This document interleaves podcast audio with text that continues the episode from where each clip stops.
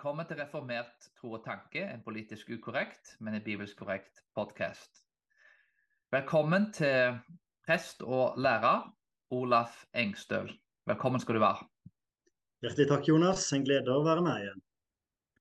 Veldig kjekt å ha deg her. Og det er spesielt kjekt å ha deg pga. at vi skal snakke om noe som er veldig viktig. Dette med tro og politikk, og hvordan tro påvirker politikken.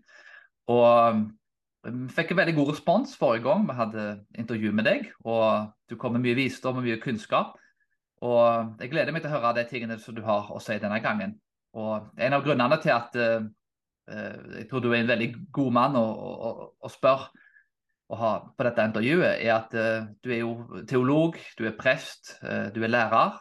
Og du har òg vært politisk engasjert.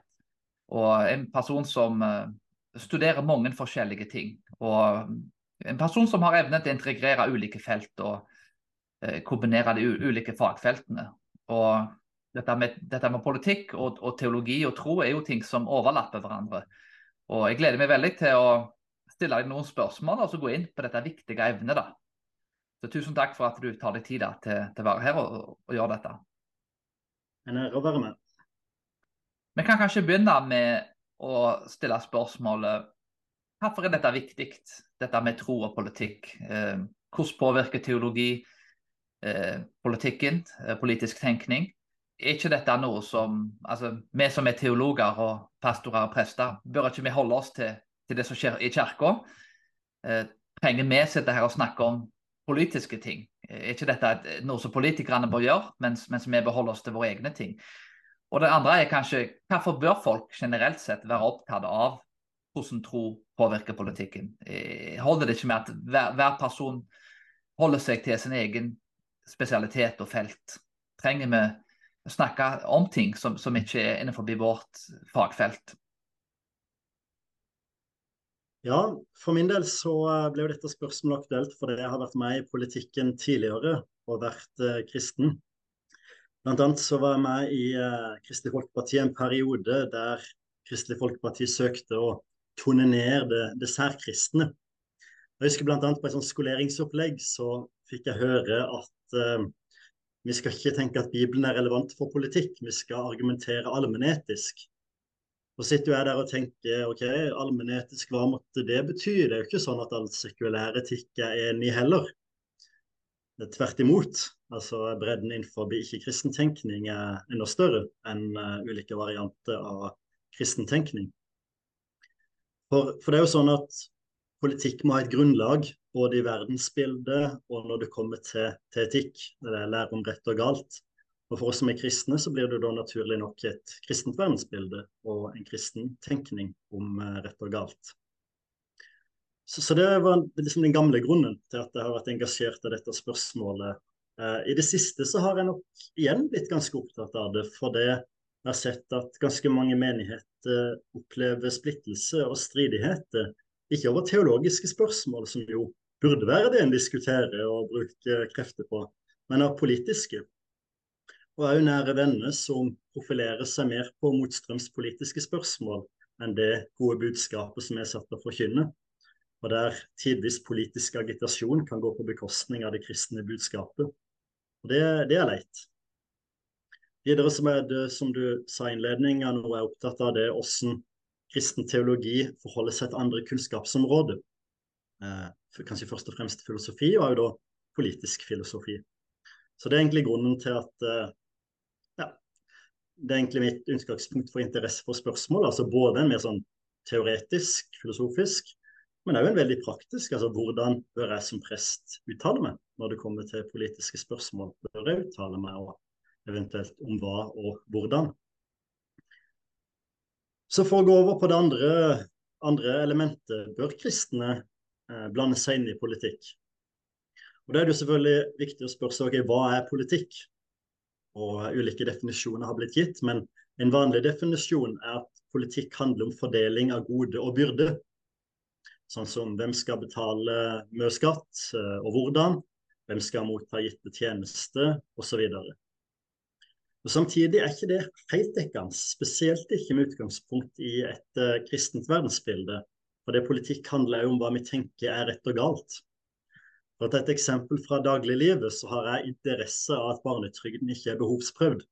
Altså at alle får en uavhengig av mye de tjener. Men jeg vet ikke om det er rett at mennesker som har mindre inntekt enn meg, skal betale skattepenger sånn at jeg får barnetrygd, som jeg kanskje egentlig ikke trenger. Ja, så, så, det handler ikke bare om å hevde sin interesse, og, og, det ser jeg ikke som spesielt kristent. Det å gå inn i politikken for å, å hevde sine særinteresser. Hvis kristne involverer seg i politikken, så, så, bør det være på et etisk grunnlag. Hva tenker vi er rett og galt? Og Fordeling av gode og byrder er en del av det, men det er kanskje andre spørsmål som er enda viktigere, f.eks. bevaring av liv. Tenk Abortsaken er en av de viktigste etiske sakene i vår tid. Hvis, når vi tenker at livet starter ved unnfangelsen, så har vi en plikt til å si ifra når menneskeverdet blir krenka på den måten det gjøres i stor skala, både i Norge og i andre vestlige land i dag. Bør en da, vil du da si at, at kristne, da, når de argumenterer f.eks. mot abort, bør de bruke da fornuftsbaserte argumenter, eller kan en politiker òg hente bibelvers og si at alle mennesker er skapt i Guds bilde? At, vil du si at det er rom for å bruke begge typer argumenter, eller, eller er det bedre at, en bruker fornuften i lys av at alle har fornuften til felles, men ikke alle har Bibelen til felles? Ja, Det er et interessant spørsmål. Det relaterer seg også til hvordan vi tilnærmer oss apologetikk. Um, og jeg tenker Det er en viktig erkjennelse det at det er ikke bare, deling er ikke kristen ikke-kristen på dette spørsmålet. Det er ikke sånn at alle ikke-kristne har samme filosofisk utgangspunkt, utgangspunkt for etikk. Enten har pliktetikk, konsekvensetikk og, og, enda mer ulike verdier enn holder som viktige innenfor sekulær etikken. Uh, så, så prinsipielt så er det ingenting i veien for at kristne begrunner til meg ut ifra Guds ord. Uh, altså Bibelen sier dette, og det tror jeg er sant. Derfor bør vi gjøre sånn. Noe annet er det pragmatiske hensyn, altså hva, hva vil fungere i en gitt sammenheng. Og Hvis en sitter f.eks. i et kommunestyre og skal fatte en avgjørelse, og de fleste ikke er kristne, så bør en jo prøve å møte de der de er. Det er klart Hvis det er mennesker som har eh, verdier mer i retning eh, høyresida, med vektlegging av individuell frihet, ok, da prøver vi å tilnærme oss argumentet der. Har de mer på venstresida, så prøver vi å vektlegge solidaritetsaspektet. Eh, så jeg tenker det er to spørsmål, da, både den prinsipielle, ingen problem å argumentere utifra, eksplisitt ut ifra et særkristent ståsted. Pragmatisk så tenker jeg det kan være lurt å prøve å finne en felles grunn. da. Men, men, det jeg tenker er litt problematisk, er når det pragmatiske gjøres til det prinsipielle. Enten det skulle gjelde apologetikk eller politikk. Ja, Vil du da si at uh, i dagens samfunn, da, at det, det er kanskje situasjonen som til en viss grad avgjør uh, metoden. At en, en, må rett og slett følge litt konteksten og sammenhengene i, en er i. Og En annen ting også som, som er interessant å bemerke, seg, det var en amerikanske tenker som sa at uh, i dag så er alt blitt uh, politisk utenom politikken. Og Den har sittet litt igjen hos meg, da, den, den påstanden. Og, uh, altså, du nevner ofte at ting kan bli oppfattet som politisk. Og i dag, kanskje mer enn noen gang, så virker det nesten som, som omtrent alt er blitt politisk. Men altså det, hva som skjer på toalett nå, er, er, blitt et politisk spørsmål.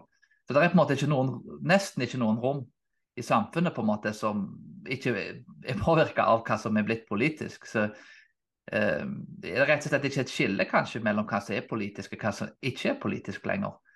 Tror du at, eh, at, at kristne kanskje burde eh, navigert eh, på en litt annen måte inn i et sånt politisk eh, miljø? Ja, Det er vanskelig å uttale noe veldig kategorisk på det. Det er klart det er en stor utfordring i Norge at vi lever i et av verdens aller mest sekulære land. Og Derfor vil nok ikke religiøse eller kristne argumenter bære særlig gjennomslagskraft i en offentlig debatt. Så det kan nok være grunn til å omformulere argumentene til en annen form. Når vi derimot diskuterer med andre kristne om hvordan vi bør fremme det, så tenker jeg jo vi òg bør tilkjennegjøre for, uh, vårt uh, verdensbilde. Uh, altså hvorfor vi skal fremme det. For ofte så gjør vi politikken til noe sakralt, men det er det ikke. Altså, Politikken er der alle mulige strømninger møtes, der vi prøver å fatte en beslutning en felles beslutning, selv om vi har veldig ulikt beslutningsgrunnlag. Um, så når kristne da engasjerer seg politisk, så, så tenker jeg i stor grad en kan legge en også pragmatisk tilnærming til grunn. Hva er det som funker? Um, og det betyr ikke at en kompromisser med, med, ting som vi ikke bør kompromisse på. F.eks. abortspørsmålet, så tenker jeg ikke at kristne bør si at abort er greit. Um, men, uh, men, vi må forholde oss til på et vis at flertallet i Norge dessverre mener det. Så får vi prøve å forandre det gjennom argumenter det er mottakelig for. da. Ja, Når det er sagt, så, eh, så, tenker jeg at det å engasjere seg politisk er noe som er opp til den enkelte. Altså, jeg tenker ikke at Bibelen gir oss en plikt til å engasjere seg politisk. Altså, det er ikke en plikt å stemme, det er en del av den kristne frihet, og enda mer å gå inn i, mer aktivt inn i politikk. Litt sånn som er kalt et yrke. Noen har et kall til å bli snekkere, andre har det ikke. Noen skal bli politikere eller aktive politisk på en måte, andre ikke. Så da tenker jeg at Vår rolle som pastor er å forkynne Guds ord og forrette sakramentene og sånn styrke menigheten i sine kall, enten det skulle være politisk engasjement eller andre deler av kulturoppdraget. Så En pastor bør kanskje ikke ta, komme ut og si at han, han støtter en politisk kandidat eller et parti? Nei, det tenker jeg ikke. Uh, for det Når vi uttaler oss som eh, pastorer, så forvalter vi en autoritet. Og den autoriteten vi er satt til å forvalte, det er Guds ord. Og eh, for de av oss som har en bekjennelse, sånn som bekjennelsen definerer det. Og Hvis vi uttaler oss om mange andre eh, spørsmål som eh, verken Bibel eller bekjennelse uttaler seg om, så er jeg redd at det fort svekker vår autoritet. For Det er ikke noe Bibelen taler klart om. I beste fall så er det noe som kan utledes som en, eh, en sekundær konsekvens. Så, så, jeg er redd at det vil utvanne vår, vår myndighet som menighetsledere hvis vi uttaler oss for mye i spørsmål utover Bibel og bekjennelse. Men der er også spørsmål f.eks. som du nevnte med abort. Det ble jo et spørsmål da som, som jeg kommer litt inn på. Menneskeverd er jo en ting som Bibelen berører. Men, men bør en, en pastor, hvis, hvis, han uttaler seg om ting som Dette er kanskje mer tilfelle i, i, Amerika enn Norge, men det er visse saker som på en måte er tilknyttet eh, miljø, f.eks. Miljøvern er iallfall mer typisk en sånn venstresidesak. Mens aborter blir kanskje ikke i Norge så mye, da, men, men mer en typisk høyresidesak. Så hvis en da uttaler seg f.eks. om abort, og kanskje ikke om miljø, Eh, eller kun om miljø og ikke abort, så, så kan en ofte oppleves at en har allerede plassert seg kanskje på høyresida eller venstre side politisk, uh, uten å ta kun stilling til, til en, av, en, av, en, av, de spørsmålene. Bør en tenke gjennom henne når en, når en, når en forkynner ut ifra Bibelen, og, og der disse sakene kommer opp, at en da går imot uh, f.eks. både rasisme så vel som uh, at en da taler mot abort, f.eks. Eller bør en da tenke at det var balansert på dette punktet, eller, eller hva bør en gjøre i en sånn situasjon, når en kan oppleves eh, passivt politiske, at en plasserer seg på ei side, til tross for at en ikke har gjort det da, altså direkte? Klart, Hvordan vi blir oppfatta, det, det, er ikke alltid så uh, Jeg vet ikke hvor, hvor uh, stor høyde vi skal ta for det. Generelt så tenker jeg at vår rolle som forkynnere er å gi menigheten et etisk grunnlag for beslutningen. Både i dagliglivet og i, i for politisk engasjement. Så ta f.eks. abortspørsmålet. da. Uh, I vår kirkebønn i Delk så ber vi om at uh, lære oss å ta vare på menneskets liv fra unnfangelse til naturlig død. Klart Det er ikke en bønn om å endre abortloven eller å implisere hvilket parti en skal stemme på. Men det gir svært sterke føringer for hvordan menigheten bør tenke om politikk. Tilsvarende med innvandring. Uh, vi ber ikke om at uh, lovgivning om innvandring skal endres, men vi ber om at Gud må hjelpe oss å ta vare på våre nye landsmenn med omsorg og respekt. Sette dem som lever i fattigdom og nød, deres evne og vilje til å hjelpe. Så jeg tenker Det er en klok tilnærming at eh, som kirke så formidler vi det etiske grunnlaget for beslutninger både personlig og i politisk liv. Så tenker jeg at vi bør ha det som en del, et relativt åpent område for den enkeltes uh, klokskap og samvittighet. Hvordan de utformer det i politisk handling. Ta f.eks. Eh, i Norge, da. eh, Hvis KrF ikke lenger står eh, mot abortloven, skal vi da si at OK, dere bør stemme på partiet De kristne, som kanskje ikke blir eh, representert? Bør vi si at, eller bør vi tenke at OK, eh, den saken får ikke noe gjennomslag, da kan vi vektlegge andre saker. Jeg tror vi gjør ukla, uklokt som eh, pastorer å legge for sterke føringer på den enkelte samvittighet i det spørsmålet. Men vi bør heller begrense oss til å gi det etiske grunnlaget vurderinga skal gjøres ut ifra. Du vil si at en, en pastor og prester bør kanskje i større grad forkynne teologien og prinsippet, men anvendelsen av prinsippet da, det på en måte får være opp til politikeren, For politikeren besitter jo detaljkunnskap om hva som faktisk vil funke. Og politikere er vel ofte tvunget til å inngå kompromisser for å klare å gjennomføre politikken sin. Så de er jo en situasjon eh, så De kan på en måte ikke være ideologiske. De må vel egentlig i større grad være pragmatiske. En, en, en pastor kan være mer ideologisk og teologisk forankra uten på en måte å være i en situasjon da, som politikerne der en da må se på hva som faktisk kan få gjennomslag. Og en må vel svelge litt mer kameler kanskje som en, som en politiker hvis en skal være effektiv. Ikke sant? Altså, vi skal forkynne det som er sant, enten folk vil høre på det eller ikke. Profeten Jeremia er et uh, eksempel til etterfølgelse. Sannheten må fram, enten noen er villig til å høre på han eller ikke. Og, og selv om vi av og til må gjøre kompromisser i menighetssammenheng, eh, fortrinnsvis i, i, mindre spørsmål, da, hvis en kan si det sånn, som ikke Bibelen legger så tydelige føringer for, så, så spesielt i et demokratisk system, sånn som Norge og USA er, så, så er det basert på kompromisser. Altså Det eneste politiske styret som ikke trenger kompromisse, er et totalitært styre. Altså, vi sier at politikerne holder aldri det de har lovt, men det er jo fordi det er politikere som skal samarbeide og lovt forskjellige ting. Altså, det er en del av politikkens vesen å kompromisse og prøve å finne felles løsninger. Så, så, det fungerer på en helt annen måte enn menighetslivet, der det er troskapen til Guds ord som skal være avgjørende. Enten det får gjennomslag eller ikke. Ja, og Derfor tenker jeg at vi det er skummelt for kirka å bli for politisk aktive. Fordi vi gjerne da kan ledes inn i å gjøre kompromisser vi ikke bør gjøre. F.eks. For forsvare politiske partier på områder de ikke bør forsvares på. Og politiske enkeltpersoner som både uttaler seg og strider sterkt mot kristen etikk, men allikevel blir forsvart en del av kristne. Det svekker tydelig kirkas troverdighet. Òg når vi skal formidle det kristne budskapet fra Bibelen det er jo en interessant ting det, det du sier der. fordi at uh, I lys av, av, de tingene Jeg husker jeg var på, på Princeton Seminar og hørte Tim Keller når, når, han, når han, da delte en leksjon om Leslie Nibbegin, misjonæren i India. og uh, Det var interessant, for det, det, var en, det, var noen ting som han sa der som det var veldig sentrale.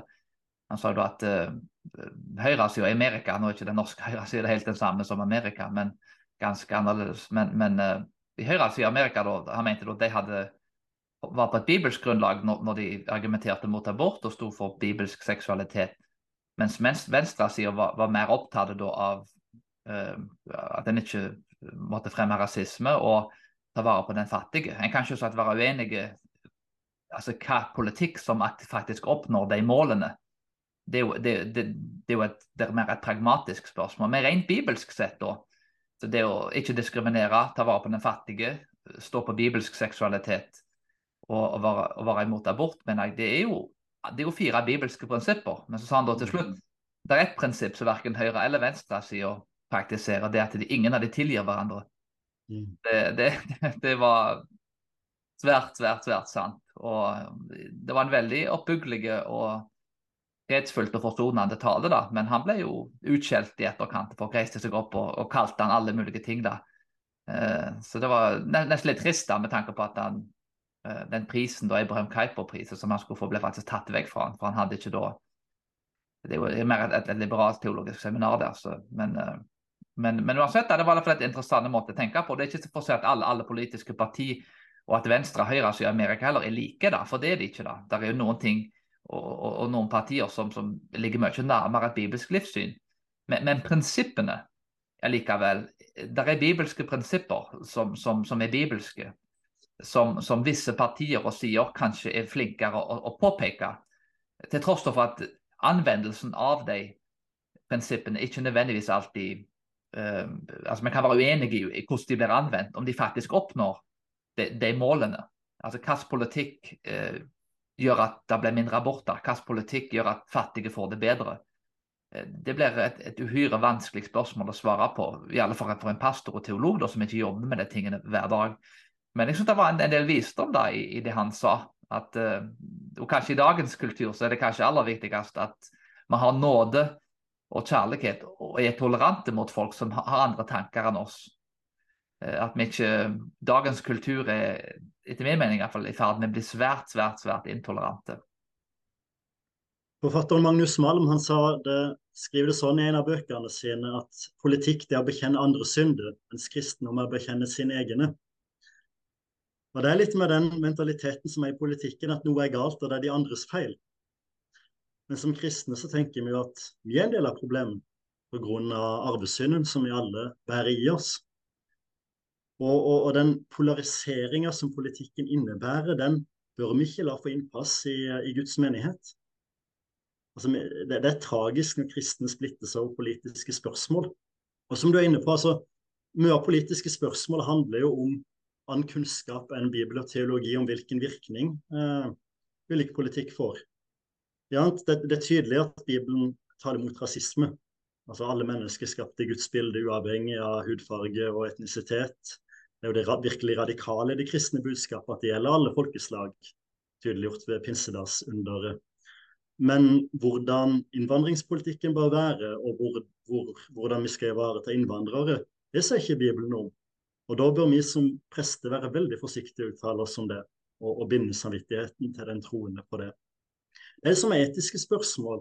Altså, spesielt tidligere så ble, kunne predikanter bli litt for ivrige i å binde den kristne samvittighet i spørsmål der ikke Bibelen taler klart. Hva er det greit å ikke gjøre på synd? Er det greit å sykle på en søndag? Er det greit å strikke på en søndag? Osv.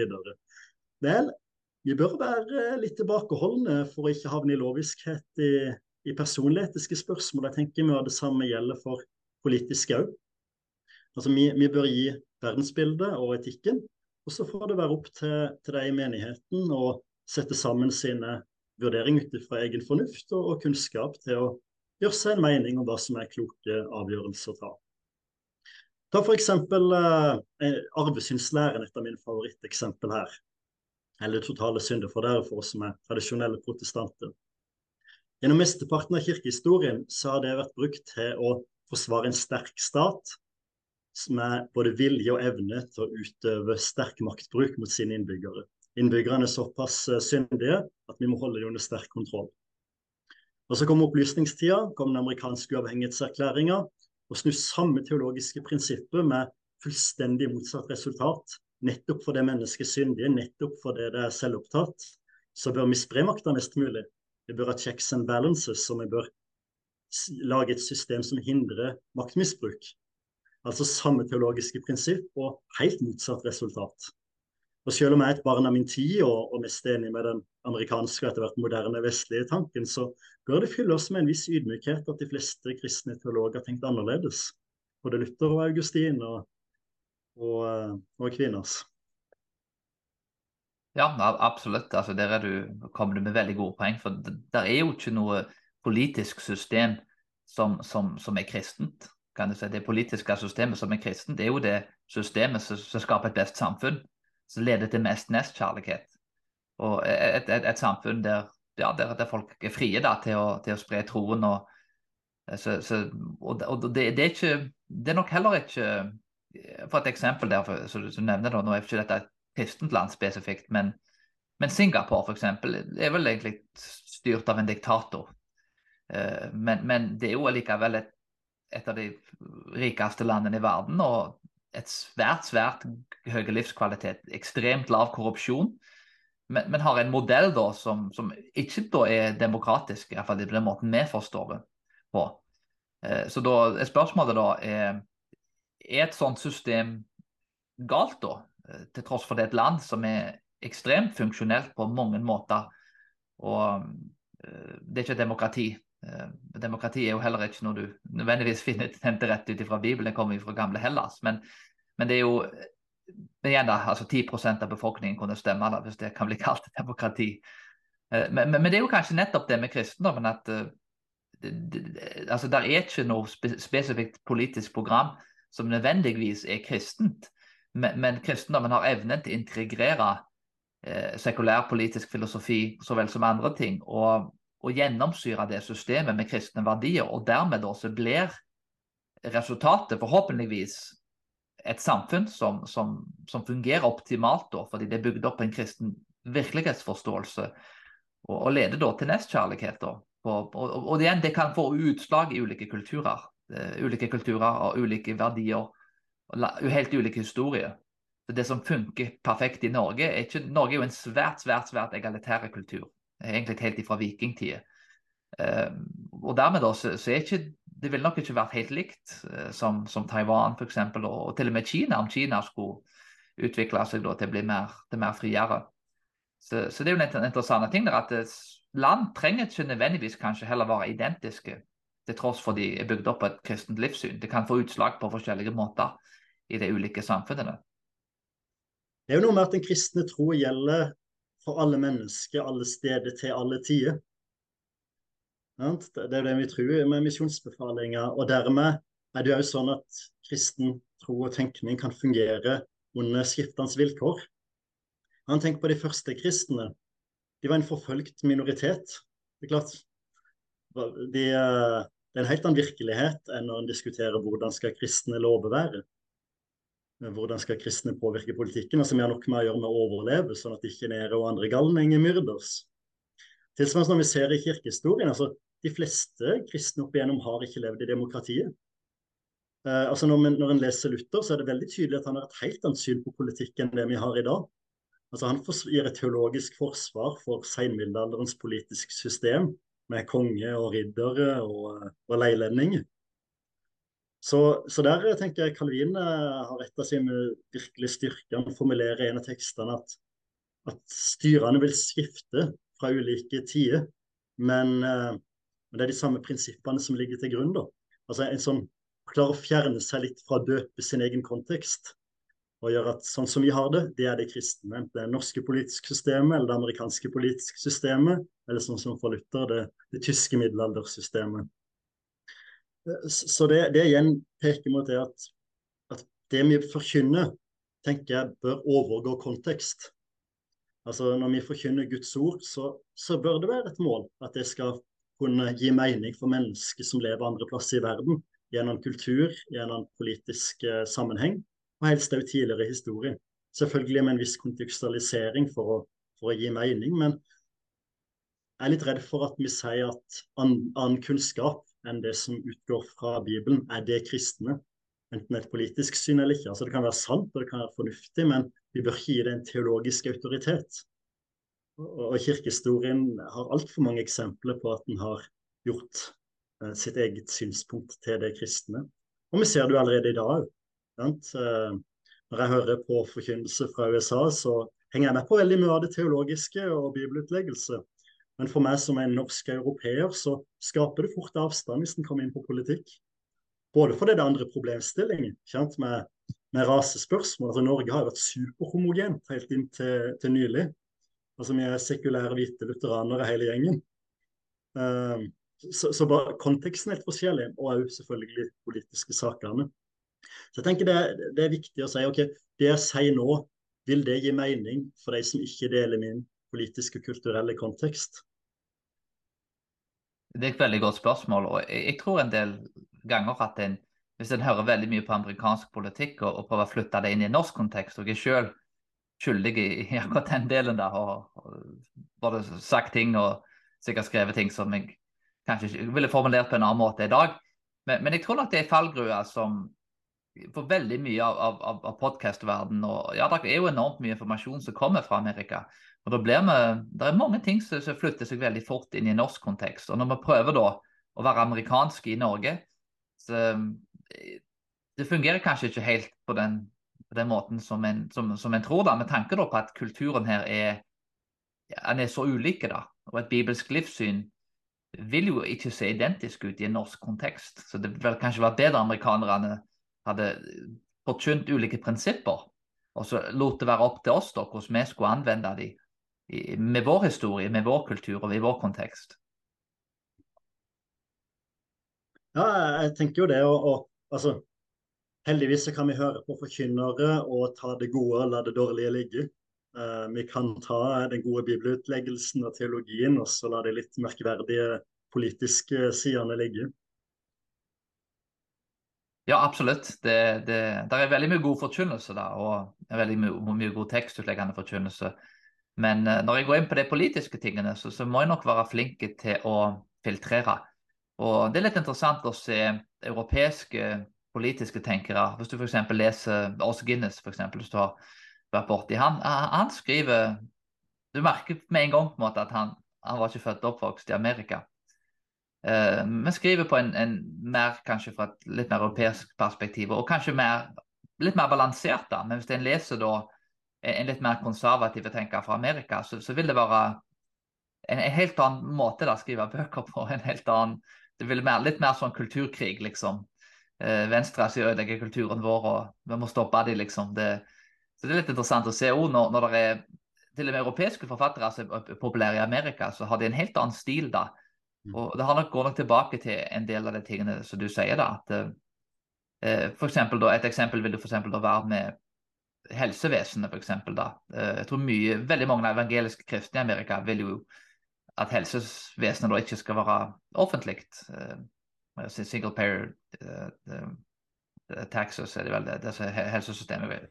Hva det heter på norsk. men men det er da at du, du betaler litt ekstra skatt, og så, og så får alle helsevesen og forsikringer da, uten at de trenger gjøre noe mer enn det. At de må ikke ansvarlige selv for å registrere helseforsikringen sin. Og Forskjellen her i Norge er jo at eh, så si, vi, vi, vi er superhomogene. Alle har omtrent vært lutherske i vår historie og, og tenkt forholdsvis likt om ting.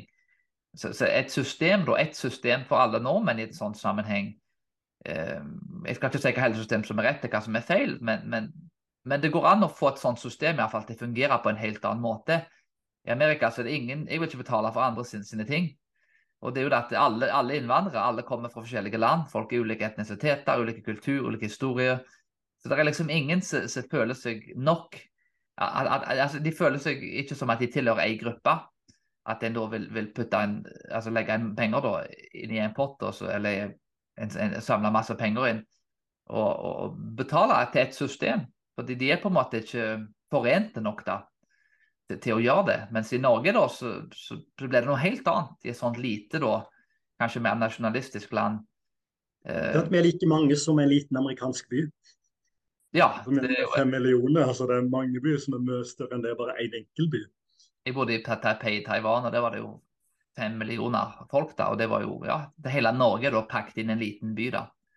Det, det var jo interessant. da, Litt mer, litt tettere køer der og sånn enn det er i Norge. da. Ikke sant, der jo, Altså, En kan argumentere, og det, og det tenker jeg vi skal være frie til òg som, som prester, at uh, no, vi tenker noe er mer fornuftig enn andre. Men problemet blir hvis vi sier at det norske systemet er det kristne, eller det amerikanske systemet er det kristne. Og Nå ble det litt kritikk av amerikanerne, men jeg tenker jo det samme gjelder i Norge. Altså, jeg, jeg tenker Det er problematisk når norske teologer begrunner den norske velferdsstaten som det kristne. Ja, for det kan vel Det er vel ikke alltid så stor forskjell kanskje før ting kan vippe over i arroganse, enn at en da at en da egentlig er med å legge en talmud, altså en, en legger til ting i, i Bibelen som, som, ikke er der. Og, og, jeg tenker ofte det at uh, tenker på Jesus' i tid, altså det var sadikerer og, og fariserer. Sadikerene tok ting vekk fra Bibelen, og fariserene la ting til Bibelen. Og jeg tror den, den fallgruve der mellom konservative og liberale Liberale de fjerne ting som står i teksten, mens de konservative legger til ting. Og Det er kanskje svært viktig å huske at begge de tingene er, var noe Jesus kritiserte. Og Han hadde ganske hard kritikk av, av det religiøse. Både de som styrte tempelet, jobba med romerne, sadukerene, og de konservative, mer kanskje lavkirkelige fariserene. Eh, det var plenty av kritikk av begge de gruppene. da, og, og Det binder samvittigheten. Kanskje I vår setting altså, det er kanskje mer vanlig at uh, vi treffer på folk som legge til ting. og Legge til en talmud, legge til ting til samvittigheten. Og jeg mener det at det er en like alvorlige ting som, som det de liberale gjør. Og så, så, løsningen der er vel kanskje å være en plass i midten, at en unngår begge de tingene. og, og rett og slett taler tydelig. Der Bibelen taler tydelig, men, men at en da det var en, en, en, kristen etiker i bok som jeg leste. Han, han, på engelsk da skrev han 'suggested moral stance'. Et forslag da til en moralsk posisjon da ut ifra de skriftstedene som han alle posisjonene hadde. Så Han sa at dette er måten som jeg foreslår at, at dette kan anvendes. Så Han hadde jo da, han var tydelig, men, men, han sa ikke sånn er det. Dette er skrevet i steintavler. Det, det, det, er liksom ti prinsipper her, og det er det som Gud har talt. Han sa dette er den måten som jeg tror dette kan anvendes på.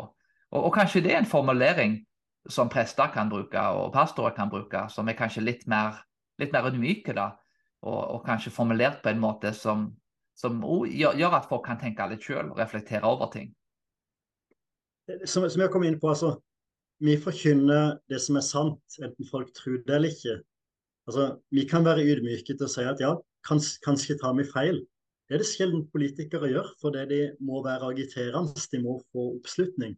Så, som du sa, altså, Det er litt som er så ydmykt som å ikke kunne tilgi. Noe som dessverre kjennetegner den politiske diskursen, at vi gjør alt rett, og de andre gjør alt feil. Ja, absolutt. da. Det, det, det er nok en politikkens natur. Men jeg tror i dag så ser vi òg eh, mye, mye ja, teologer og pastorer som har et veldig politisk språkbruk. Eh, og Dette er kanskje et større problem i Amerika enn det i Norge, da. Men, men, men, det er jo til en viss grad tilfellet her. skulle jeg si. Og jeg har kanskje selv vært, litt skyldig i det der tidligere. Men, men en har kommet mer og mer til, til den konklusjonen der som, som, som, du er kommet til, at en, en ja, en, en, må være svært forsiktig der på, på å binde samvittigheten til folk på, på disse tingene. Men, men det er kanskje noe der å gå tilbake i historien. Du har gått litt inn på de historiske tingene. Og, og kanskje se i løpet av vår 2000-årige kristne historie, og, og kanskje òg den lutherske historien i Norge. Er det noen ting vil du si spesifikt som vi kan lære av den norske historien? Um, kan vi ta noen politiske og teologiske lærdommer av det som har skjedd før, som ikke gjør det samme feilene opp igjen? Mm. Ja, jeg tenker vi kan begynne med å gå tilbake til Bibelen. Så De første kristne var en forfulgt minoritet. Og Allikevel så kan vi lese i Romane 13, vers 1-11. Hva jeg. Enhver skal være lydig mot de myndigheter han har over seg, og det finnes ingen myndigheter som ikke er fra Gud, og de som finnes er innsatt av Gud. Den som setter seg opp mot dem, står derfor imot det Gud har bestemt, og de som gjør det, skal få sin dom. For de som styrer, skal ikke skape frykt hos den som gjør det gode, men hos den som gjør det onde. Vil du slippe å frykte myndigheten, så gjør det gode, og du skal få ros. Styresmakterne er Guds tjener til det beste for deg, men gjør du det onde, har du grunn til å være redd. For styresmaktene bærer ikke sverd uten grunn, men er Guds tjener som skal fullbyrde en straff over de som gjør det onde. Derfor er det nødvendig å være lydig, ikke bare av frykt for straffen, men også for samvittighetens skyld. Betal også skatt av samme grunn, for myndigheten er Guds tjener og ansvar for alt slikt. Gi alle det du skylder dem. Betal skatt til den som skal ha skatt, toll til den som skal ha toll. Vis respekt for den som skal ha respekt, og gi ære til den som skal ha ære. Ok, La oss tenke på konteksten der Paulus skrev dette. Han skriver det til romermenigheten, uh, en by der keiser Nero var keiser. Selv fra sekulær historie en av de aller verste og mest brutale keiserne verdenshistorien har sett. Allikevel skriver Paulus dette at myndighetene er innsatt av Gud. Og du kan tenke, Dette, dette er utfordrende. Altså at, at, virkelig de undertrykkende og brutale keiserne er innsatt av Gud. Men, men det ligger òg noe i at som kristne så er ikke vårt, eh, vår tro avhengig av hvem som styrer. Altså, Kristendommen har det ved seg at han kan overleve som en forfulgt minoritet. Noe andre religioner ikke har vist seg å kunne gjøre på samme måten. Og Når vi ser rundt oss i verden i dag, så er det jo gjerne sånn at de plassene kristne møter mest motstand, det er der de går fram. Mens der livet er mer beleilig, sånn som her i Norge, så går det tilbake. Og Allikevel så sitter vi her og klager, og nå kommer snart Jesus igjen fordi ting er så fælt. Mens uh, i Kina så er det en helt annen virkelighet. Og Det tenker jeg jo knytter seg til, til, norsk historie. Altså I Norge har vi jo hatt, uh, hatt ei statskirke siden reformasjonen. Og det tenker jeg det stort sett har kommet dårlige ting ut av. Eh, hvis en sier at et land er kristent, så får en ikke et land av kristen, for et land av hyklere. Uh, og, og, det ser vi jo gjennom norsk historie. Uh, de, uh, på 1800-tallet, eller 1700-1800-tallet så leste norske skoleelever på en toppidans katekismeforklaring, en lærebok i kristendom, og skulle si det framfor presten for å kunne bli konfirmert i sånn opposisjon i staten. Men de trengte ikke å tro et kløyv av ordet av det. Hykleri satt i system. Tilsvarende i, i nyere tid så var det så lenge sånn at for å være lærer i kristendom i norsk skole, så måtte du være medlem av statskirka. Trengte ikke å tro på noen, av, noen, ting av det, du kunne si imot alt i kristen tro, men du kunne fortsatt være kristendomslærer. Var det derimot meg i frikirka eller Gud forby en reformert, så var det helt, uh, helt utelukka. Og det blir det problemet hvis uh, en har ei statskirke, at uh, en framdyrker hykleriet og en diskriminerer de samvittighetsfulle, engasjerte troende som på noen punkt avviker fra det fellesskapet står for. Og jeg tenker jo, Selv om vi ikke tror på frie, frie valg, så tror vi på valg, og at, at, det å være kristen er et personlig valg. Uh, mens hvis en har en, en, fell, en, en, statskirke, sånn som vi har hatt i Norge, så, så blir det mer, mer, som å være nordmann. Og det er ikke det kristen tro er i Bibelen. Så det skaper en falsk sikkerhet for flertallet, og skaper problemer for samvittighetsfulle troende som tilhører et uh, konfesjonelt mindretall. Du vil si da at det å ha statskirker Du støtter ikke statskirker, kan du si. Altså du, en, hvis du kunne valgt, så hadde du fjerna statskirkene? Det er nok det spørsmålet vil være mest kategorisk på i dag. Det at statskirke ikke er en god ting. Jeg husker, husker Carl Truman, han er jo eh, fra Storbritannia. skal si, og du, du, kjenner jo til han ifra Sikkert lest noe av, av eller kanskje noen av bøkene. og sånn, og Han er jo en veldig kjent teolog der, som òg har mye deltakelse med, med lutheranere. og Skrev en bok fra altså From Wittenberg to Geneva, der de sammenligner luthersk og reformert teologi. Men veldig god, veldig god teolog, da, og jeg husker han også sa det, at uh, han er jo kirkehistoriker og middelalderen reformasjonen som spesialitet. Og han, han, mente jo heller ikke at statskirka hadde ikke vært en bra ting da, gjennom historien. Uh, det er det samme konklusjonen som deg. Og jeg vil si selv da, for min del, så jeg er ikke noe spesielt ikke noe stor tilhenger av, av statskirke, til tross for at jeg må innrømme at det har kommet gode ting ut av statskirka.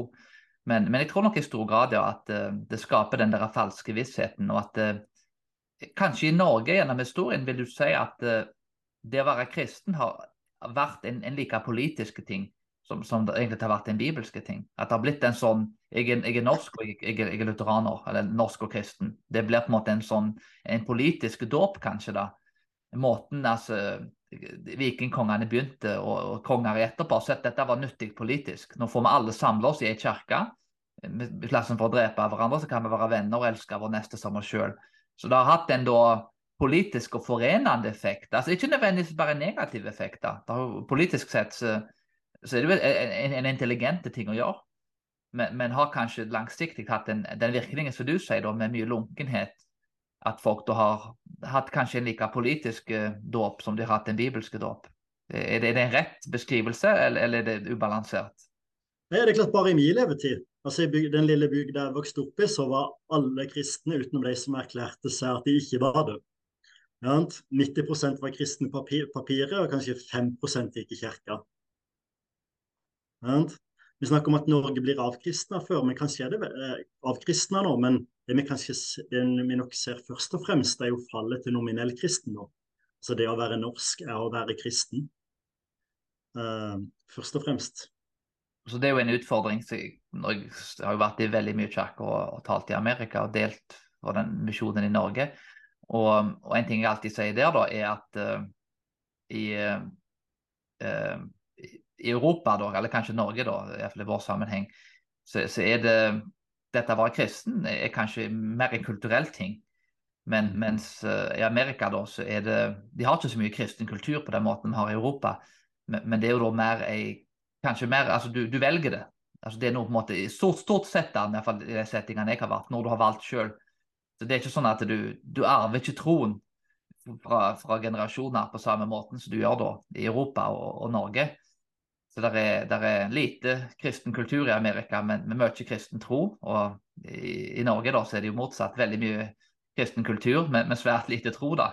Og Det er jo da den kristne troen som, som skaper den kristne kulturen. Så til slutt, da, hvis du ikke har folk som tror, men så får du vel heller ikke den kristne kulturen. Og jeg føler kanskje i Norge at det er mer sånn at en, en vil ha Guds rike, da, men en vil ikke ha Gud som konge. En vil ikke ha Jesus som konge. Så det er liksom at du har avvist kongen, men, men en vil ha fruktene, kanskje. Og det er velsignelsene som kommer av et bibelsk livssyn. Jeg husker en som sa ikke så for lenge siden at ja, jeg vil ha kristne naboer, men jeg vil ikke være kristen sjøl. Mm. Det er klart Norge og USA blir jo på mange måter to motpoler der. Så I Norge har vi hatt en kristen stat og et sekulært folk. Mens i, Norge har, mens i USA har en hatt et kristent folk og en sekulær stat. Eh, og jeg må jo si at den amerikanske modellen er å foretrekke. Ja, det, det er jeg helt enig med deg. Jeg har jo bodd i Amerika i, fem år da, og hatt mye av disse dialogene med folk. Og, og Amerika er i snitt mye, mye mer kristent enn en Europa. Og har vel egentlig alltid vært det. Er, Rodney Stark skriver jo litt om dette her i bøkene sine. Og han eh, argumenterer jo da for eh, Oppsummerer vel kanskje mer det andre skriver, at eh, om Europa egentlig aldri altså, sorry, Om Europa var Europa noen gang kristent? Altså, Å bli kristna er ikke det samme som å være kristen. Så Norge ble kristna av, av vikingkongene, men spørsmålet er vel kanskje da om, om Norge egentlig da Det norske folket da har da vært kristent. Det har vært kristne folk i Norge, men Europa og i reformasjonen så ble jo ting kristne ovenfra. Eh, ja, og ikke bare under reformasjonen. Det er klart jeg tenker Den viktigste punktet i kirkehistorien er ikke reformasjonen, det er det konstantinske skiftet, der kristendommen blir offentlig religion og senere statsreligion i Romerriket. Der kristne en, går ifra å være en forfulgt minoritet til å være en del av statssystemet. Altså Før kristendommen ble Romerrikets religion, så kosta det mye å være kristen. Risikerte å bli kasta i kolosseum for løverne. Og, og for å, å, si at du er kristen, da, så skal du virkelig mene det. Og det kan koste det samme. Når kristendommen blir statsreligion, så blir det en fordel å være kristen, enten du tror eller ikke. Og Det blir jo en arv europeisk kristendom har båret med seg siden. Altså, Romerriket var jo et tilfelle. Trengte ikke være å faktisk tro på det, men du eh, måtte si at du var kristen for å ha, for, for å ha fordel av å være en del av statssystemet. Tidvis, når eh, andre europeiske stammer blir kristne, blir kristne, så var det jo ofte høvdingene som gjorde det for å få et bedre politisk forhold til de rikene som allerede var kristne, og komme i handel med dem og kunnskapsutveksling med dem, uten at egentlig så mye endra seg i folket. En anekdote der er at en helt fram til slutten av 1800-tallet faktisk kan finne avgud, fant avgudsstøtte på norske jorder. Altså at en hadde en statue av Odin, eller fruktbarhetsguden, som en hadde gravd ned i jorda. Så dette er slutten av 1800-tallet. Antakelig var det enda mer av det før. Eh, så det, så det er jo båret videre i hele den europeiske historien. Det at staten har vært kristen på papiret, og så har det nok variert med det religiøse engasjementet hos, uh, hos folket. Så, så, det å være kristen har vært mer en, en identitet og å være en del av, av fellesskapet, mer enn uh, mer enn en tro. Og Det ser en også under reformasjonen med, med døperbevegelsen. Altså Problemet med dem er ikke først og fremst at de nekter for barndåp, men det at barndåpen er veien inn i folkeregisteret. Altså Dåpsbøkene og kirkebøkene i de europeiske statene fungerte sånn som folkeregisteret gjør nå. Så det å ikke døpe sine barn er på mange måter å melde seg ut fra staten. Uh, og det, det, får en fort hvis en har en statskirke. Det er klart Hvis vi skulle hatt en skikkelig luthersk statskirke i dag, der vi faktisk håndhevde luthersk teologi fra statshold, så er ikke veien så langt til å følge igjen, som ikke tar på alvor det virkelig store det er å døpe sine barn. Ja, det var ikke så langt tilbake i norsk historie. Det, og dette å være pinsevenn og baptist var vel kanskje ikke uh, alltid trygt. Si, eller, det var ikke akkurat noe, du, du, fikk ikke medaljer av staten da, for å, for å, for å ja, tro på voksendåp. Og, og det, er jo, det, er jo, en annen ting med, med statskirker. Vil du si at statskirker der har en tendens til å bli veldig korrupte. altså i mye større grad. da. At prester og da, biskoper har en tendens til å bli mye mer korrupte eh, pga. At de er kobla til politikken. Ja, Den første kristne trosbekjennelse er Kristus er Herre. Mens problemet når man får en statskirke, uten unntak, er at kongen blir kirkas herre og kirkas overhode. Sånn var det jo i Norge, sånn var det i England, eller er det fortsatt i England, at monarken er kirkas overhode. Og Da ender en fort opp med at kirka òg blir et maktmiddel for, uh, for, kongen. Og mange grove eksempler på, på maktmisbruk. Uh, altså Fra norsk historie er jo fornorskingspolitikken mot samene, der en i tråd med norsk nasjonalisme skulle danne en norsk nasjon. Vi var som sagt veldig homogene, men det var en gruppe som ikke var det. og Det var samene og kvenene. Så de skulle vi tvinge til å bli norske. Og kirka spilte en veldig aktiv og svært eh, problematisk rolle i det. Så Det er et eksempel på der kirka, fordi en har statskirke, blir medskyldige i, eh, i grove overgrep. Ja, det er jo et, et, et stort problem. I, til og med i lavkirkelige lutherske sammenhenger så, så, er det jo ofte uh, En er jo ikke alltid så veldig begeistra for, for statskirke, kan du si. Så det er jo Eh, det er jo ikke, måtte ikke bare pinsevenner og, og baptister, men òg svært mange lutheranere og mange lutheranske kirkesamfunn som, som da har gått gjennom historien da, og, og sett at ei statskirke da eh, blir på en måte noe som ikke har ledet til positive resultater. Eh, jeg håper jo derimot at når folk da leser den lutherske historien, at, det, at de ser da at eh, det er jo på en måte ikke den lutherske teologien som, det er noe galt med. Det, det er da altså at staten er kobla mot den lutherske teologien. Og det hadde vært samme problemet hvis en hadde vært presbeterianer, eller om pinsevennene og baptistene hadde sittet på makta. Så, så en, en, får jo det problemet egentlig samme hva, hva kirkesamfunn som har det problemet. Og det er jo mange alternativer. I Norge da, som ikke er statskirkelige, bl.a. Delk, da, som du er med i. Så, så folk trenger jo ikke men jeg trekker seg ut av kirka, eller heller ikke forlate den lutherske kirka. De kan heller gå til kirka som, som, ja, som er da ikke da er kobla kanskje til staten. Og selvsagt, det er jo veldig gode prester og, og trofaste og gode folk òg i statskirke. Så det er jo mange veldig gode forkynnere og, og, gode folk der jo i statskirke, så vi skal selvsagt ikke generalisere det heller og si at alle der lokalt på Karmøy har vi en veldig god prest. og det, Han jobber i statskirke, da, så det er jo folk som er kalt til å være der òg. De har en stor plattform der de når ut til mange folk. Så det er jo mange som gjør en en fantastisk innsats på, på det området. Da, så. Absolutt. Jeg er god kamerat med den lokale soknepresten her på, på Nærbø. Eh, og Det er jo ordninga vi kritiserer, og, og frykter med ordninga. Og Det ser vi òg med, med Den norske kirke i dag. Den norske kirke i dag er jo så liberal fordi staten de siste nesten 100 år har valgt å innsette liberale biskoper på tross av kirkas vilje. Som igjen har innsatt liberale prester og drevet han i den retninga den er nå. Og det er ikke unikt for Norge. Det er sånn er jo veldig tydelig i Tyskland og, og, og, i andre land. Det at staten har vært en pådriver for teologisk liberalisering av kirka. Og det virker der som at uh, hvis den som lønner deg Det er jo staten først som blir liberale, som blir sekulære. Og, og, når staten da lønner deg, når det er kanskje artister som betaler lønnet til, til prester som tror på Gud, så, så er det veldig fristende da å, å spise av den hånden som mater deg, i plassen for å skubbe den vekk.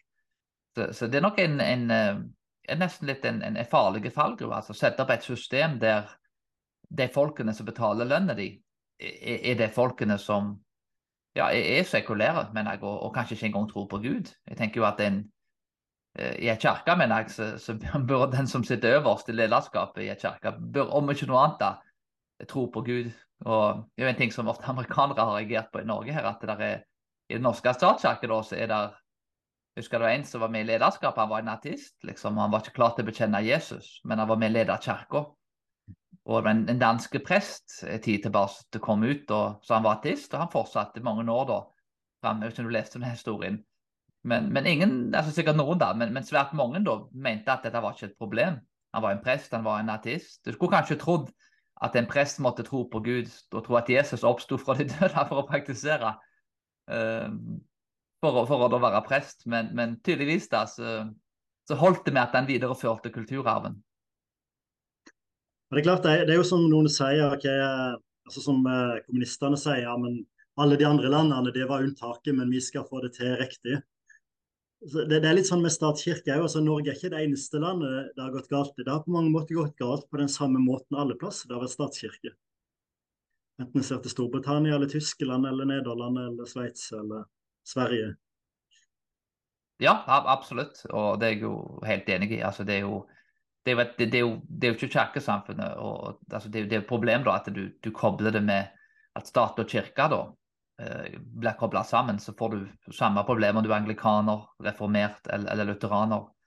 Eller samme hvilken gruppe du tilhører. Baptister og pinsevenner har vel kanskje mer en historie der de har på en måte vært spesielt baptister kanskje mer en forfulgt minoritet. Og dermed da så er nok de kanskje ikke så glad i, i statskirka som, som, som, som, en del av de andre kirkesamfunnene. Men, men, med det, da, er, er, det noen ord som du vil eh, avslutte med? Kanskje oppsummere med? En, en sånn siste oppfordring kanskje til slutt her? og I lys både av statskirker og alle de andre tingene vi har snakket om. Har du noen, eh, ja, noen, noen siste visdom? Ja, jeg vil gå tilbake til kildene til Bibelen, og nærmere bestemt til palmesøndagsfortellinga. Den fortellinga blir ofte misforstått når Jesus rir inn i Jerusalem på et esel. I en eh, salme så synger vi 'Hvorfor valgte du en eselfole, Jesus? Du kunne i det minste valgt en hest'. Du gjorde deg så liten og så fattig når folkemengden ville lage fest.